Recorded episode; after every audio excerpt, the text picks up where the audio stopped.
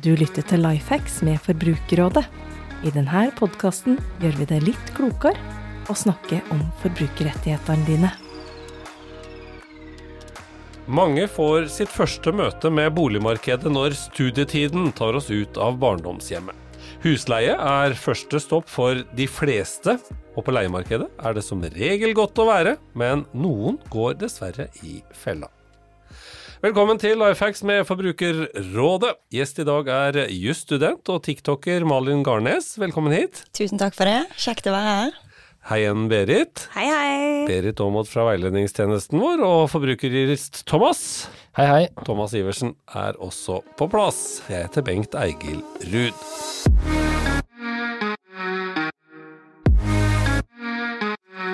Ja, Vi må snakke om husleie igjen. Eh, Berit, den er eh, sånn historisk sett en av postene som kommer veldig høyt opp eh, hos veiledningstjenesten vår. Hvordan eh, ser det ut for eh, 2023? Ja, 2023 ble nok et år hvor husleie lå høyt på statistikken, men er 3000 henvendelser. Og det er jo mange som er på leiemarkedet, og mange som har spørsmål, og dessverre en del konflikter, og da blir det også mange henvendelser til veiledning. Hva, hva er det stort sett, hvis det går an å gi noe bilde av eh, noe som mange henvender seg om? Det er jo egentlig alt som inngår i et leieforhold som vi får eh, henvendelser om. Eh, fra første kontakt eh, og, ja, til kontraktskriving og utflytting. Så gjennom hele leieforholdet så har eh, både leietakere og utleiere spørsmål. Men særlig nå den siste tiden har det vært mye på leieprisøkning. Det er vel ganske, ganske naturlig sånn som eh, situasjonen ser ut i dag, men, eh, men der er det mange som tar seg noen eh, friheter, og også mange som dessverre ikke har råd da, til, til å bli pålagt noe økning i det hele tatt. Mm. Vi, vi vet jo at flere leier, og flere leier lenger, men nå åpna vi litt med dette studieperspektivet. Hvordan er det med studenter som er ferske på markedet? Er, tyr de til oss for å få hjelp og støtte og få svar på spørsmåla sine? Ja, det gjør det. Eh, Men det er alle, alle typer leietakere som tar kontakt. Men det er klart at eh, studenter som skal leie, de har kanskje noe mindre oversikt da, enn eh, de som har vært på leiemarkedet lenge, og har noe mer behov for å få vite om hvilke rettigheter man har. Ja, Malin, du er eh, student sjøl, men eh, har kanskje mest eh, kontakt med andre studenter via TikTok-kanalen din Jussnakk. Hvordan er din opplevelse av folks forhold til husleie og kontraktene sine? Jeg har egentlig veldig mye de samme opplevelsene som de her i Forbrukerrådet. Jeg får alle mulige spørsmål. Det er alt fra at leien blir økt med mange tusen kroner plutselig, eller er det oppsigelse som er ja, ulovlig. Veldig mye utleiere er veldig eh, ja, god på å finne på eh, vilkår. Mm. Som ikke helt er innafor. Som varierer veldig om jeg er innafor, ja. Hvor fortvilte er, eh, er folk? Ja, det er jo, bosituasjonen er jo utrolig viktig, og det er jo òg en veldig stor utgift i måneden ut. Så det, det å f.eks. øke den et par tusen i måneden vil jo være et stort innhugg i, i budsjettet, da. Så selvfølgelig har det mye å si for folk. Og for de yngste, de som da er studenter, så betyr det vel ofte at studielånet knapt eh, holder, så mange må jobbe litt ved siden av for å ha råd til eh, disse prisøkningene. Absolutt. Så leiepris har mye å si.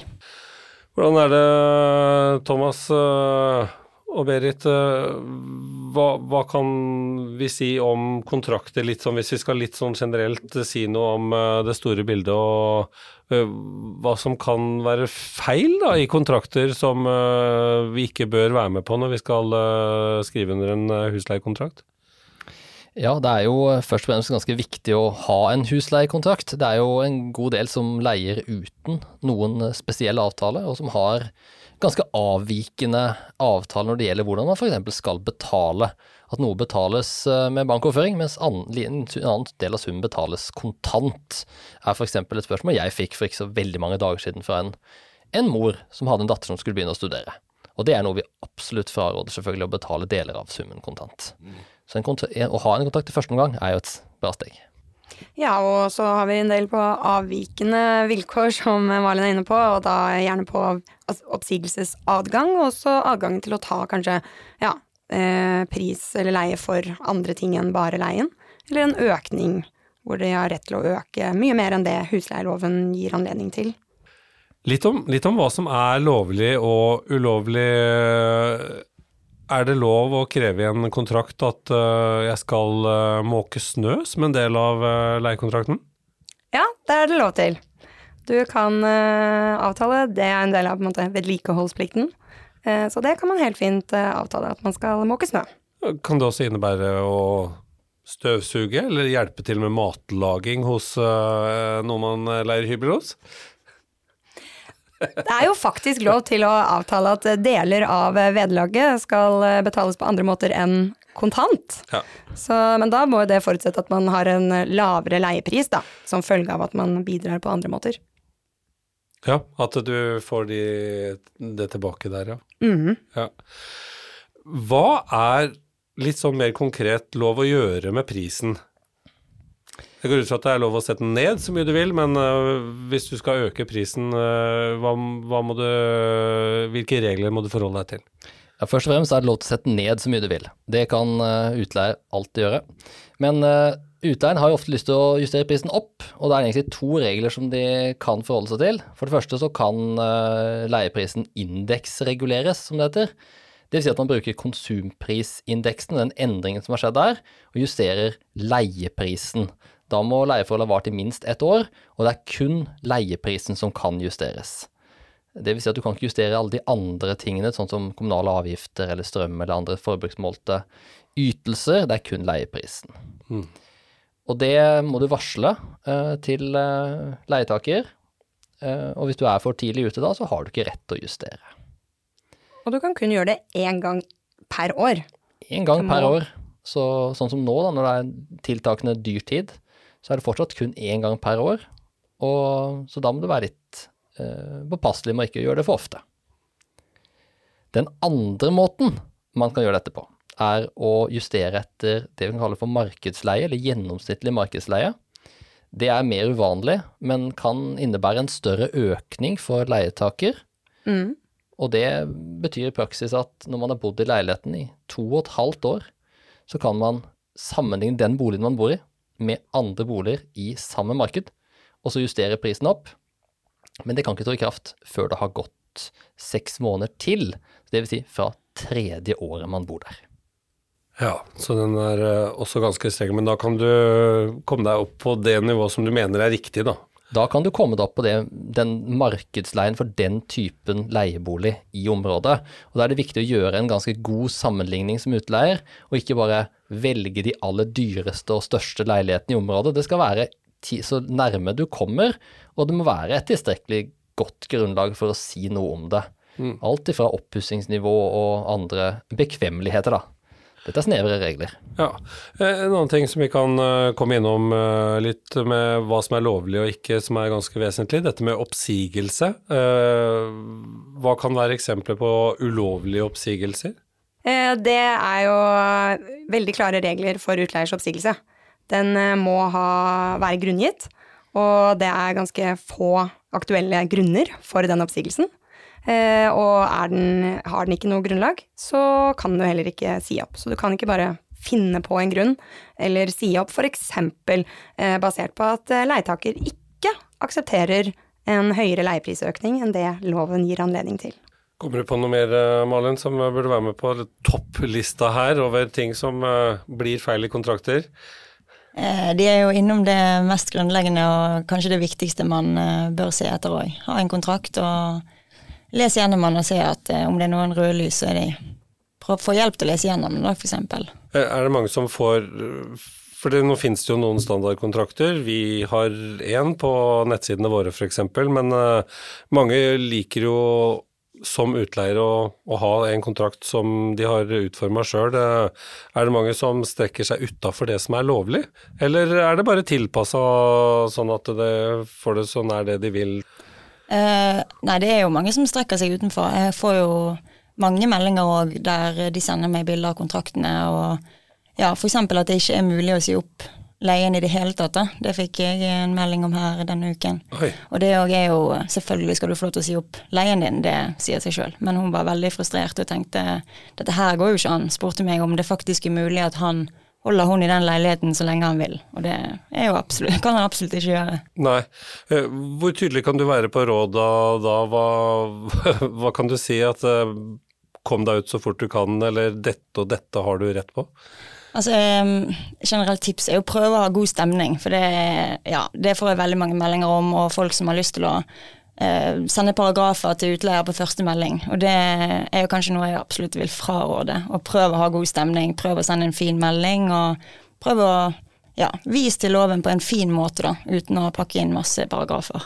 Eh, hvor hard kan man være på krava? Vi er jo i en tid hvor det er litt utleiers marked, og hvor det virker som at eh, man får leid ut eh, nesten, om ikke hva som helst, i hvert fall er det lett å leie ut, og også å si til noen som lurer litt at jeg har en annen som er villig til å betale det og det rett rundt hjørnet.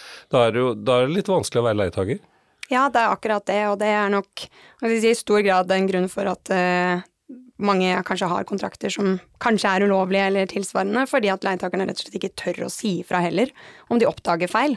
Uh, fordi de er redd for at ikke de skal få mulighet til å leie deg lenger, og det er vanskelig å få tak i eh, leiebolig eh, nå til dags. Men jeg er veldig enig med Malin, prøve å ha en god dialog. og det er klart at det kan jo være mange utleiere der ute som bare rett og slett ikke vet om hvilke regler som gjelder, og at man da på en fin måte sier ifra at dette kan jeg dessverre ikke godta. Eh, hvis det er eh, ja, dårlige vilkår. En annen ting som jeg har eh, hørt deg nevne før, Berit, som vi har snakka om, er jo litt det der med depositumpenger og sånt. Er det fortsatt et problem at det blir litt konflikt når forhold skal avsluttes også? Ja, det er det. Og der har man jo igjen, altså hvor skal man begynne? Depositumet skal settes på en sperret konto i leietakers navn. Det er leietakers penger. Eh, og da vil jo det også gjøre det på en måte vanskeligere for utleieren da å si ja, men du skylder meg disse pengene, så de bare tar jeg. For da får ikke utleier mulighet til å bare ta de pengene. Eh, og det skal jo en del til for at utleier skal ha noe krav på erstatning. Eh, og da ja, så leietakere bør være veldig klare og tydelige på det, at det skal være en ordentlig depositumskonto. Ja, Hvor lett er det å være tøff i trynet da, når uh, du har den depositumkontoen og lurer på kanskje den uh, litt skadde sofaen eller noen knuste glass ekstra skal stå på din eller utleiers regning? Ja, nei, det skal en del til før utleier kan kreve noe fra depositumkontoen, og det må være en bruk av den leiligheten godt over det som er vanlig bruksslitasje. En risiko ved å ha depositumet stående på utleiers vanlige bankkonto, særlig disse tider når ting blir dyrere, er at eh, hvis utleier får litt eh, tynt med penger, så kan det jo være at den ikke har råd til å betale tilbake de pengene i det hele tatt, når det, at de er blitt brukt opp til vanlig forbruk. Det er jo en fordel med depositumskontoen. Den er jo verna også hvis utleieren skulle gå personlig konkurs, eller altså få kjempedårlig råd. Og, og apropos dårlig råd, det skal ikke være noe argument for å kunne øke leieprisen uh, akkurat som det passer for å få ting til å gå rundt? Nei, dårlig råd uh, er jo noe du må tenke på når du legger leiligheten din ut for leie. Da setter du jo prisen, og da kan du sette prisen akkurat som du vil. Men uh, setter du den veldig høyt da, så vil du ofte ikke kunne få noen til å bo der. Så du må jo likevel tilpasse deg markedet. Når du da har signert med noen, så må du vente til leieforholdet er over eventuelt.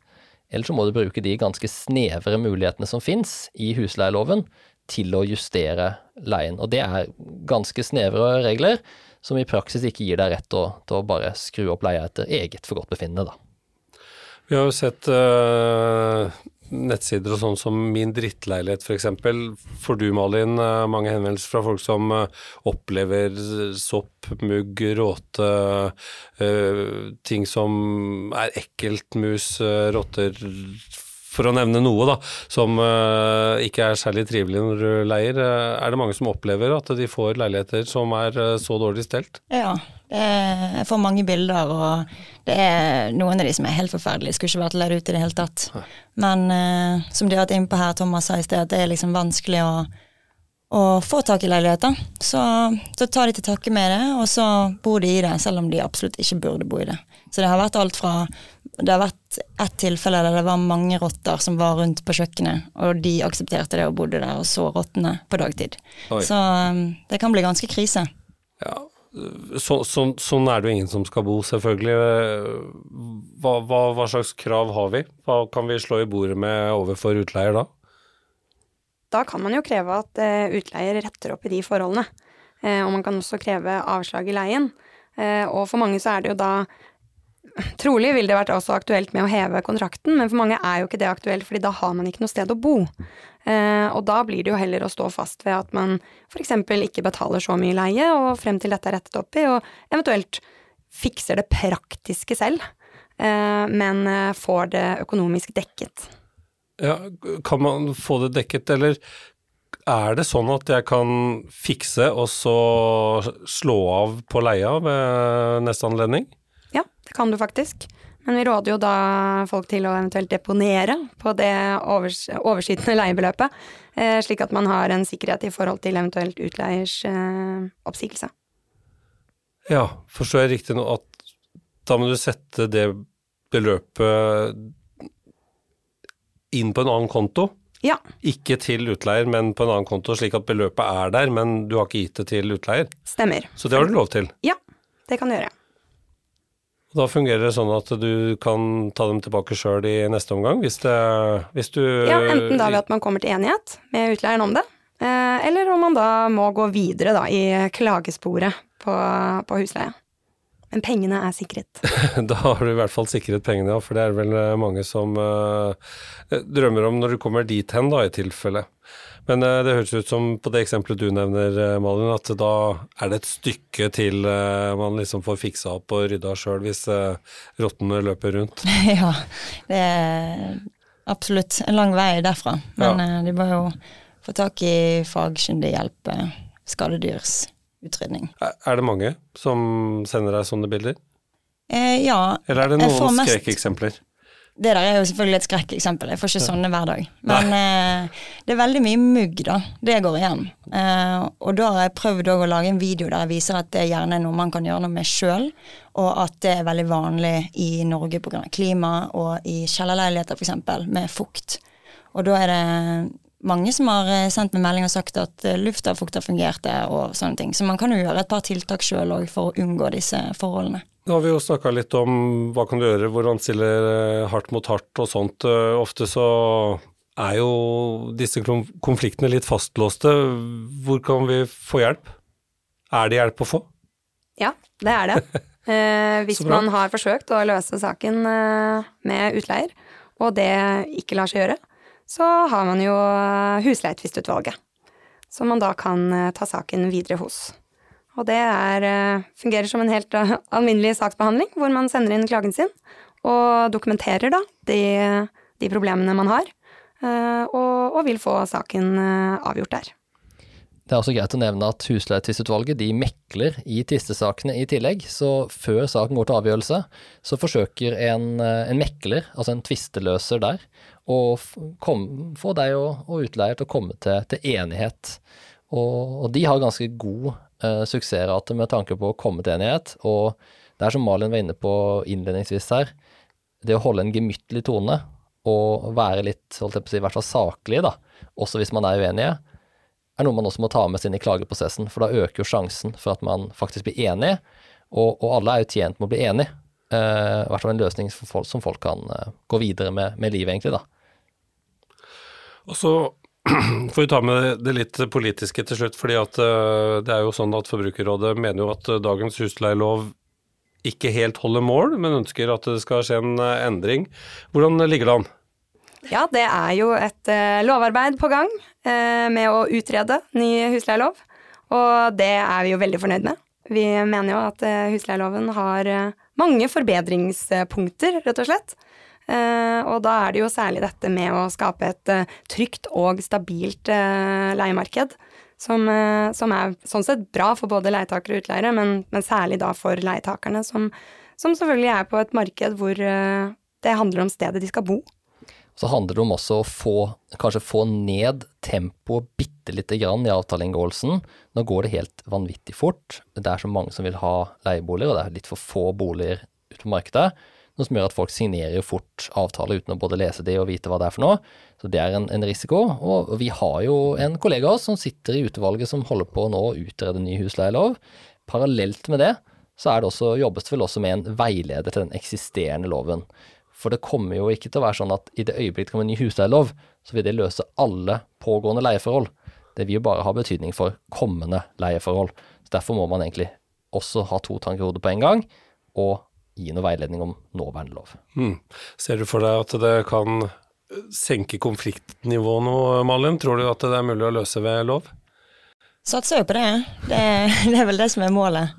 Eh, jeg er helt enig med at den, eh, den er ikke optimal. Så eh, ja, jeg er spent på å se det etter den utredningen. Ja, og, og, det får nok ikke du se før du er ferdig med jusstudiene dine. For det, sånne prosesser tar jo en stund når de først er i gang, og de skal vel jobbe en god stund til før, før dette er på plass. Men det kommer til å skje noe med, med, med husleieloven.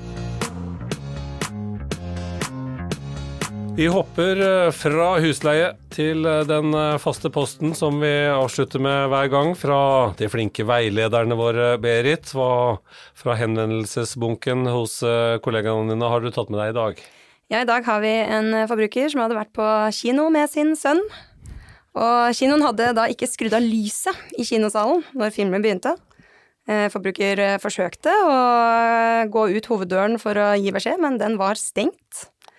Eh, og for å eventuelt komme seg ut, så måtte man da gå ut nødutgangen, ut av bygget og rundt. Og dette syntes forbrukeren for det første ble litt eh, strevsomt, og også ville hun ikke forlate sønnen eh, i kinosalen alene, hvilket jo er forståelig.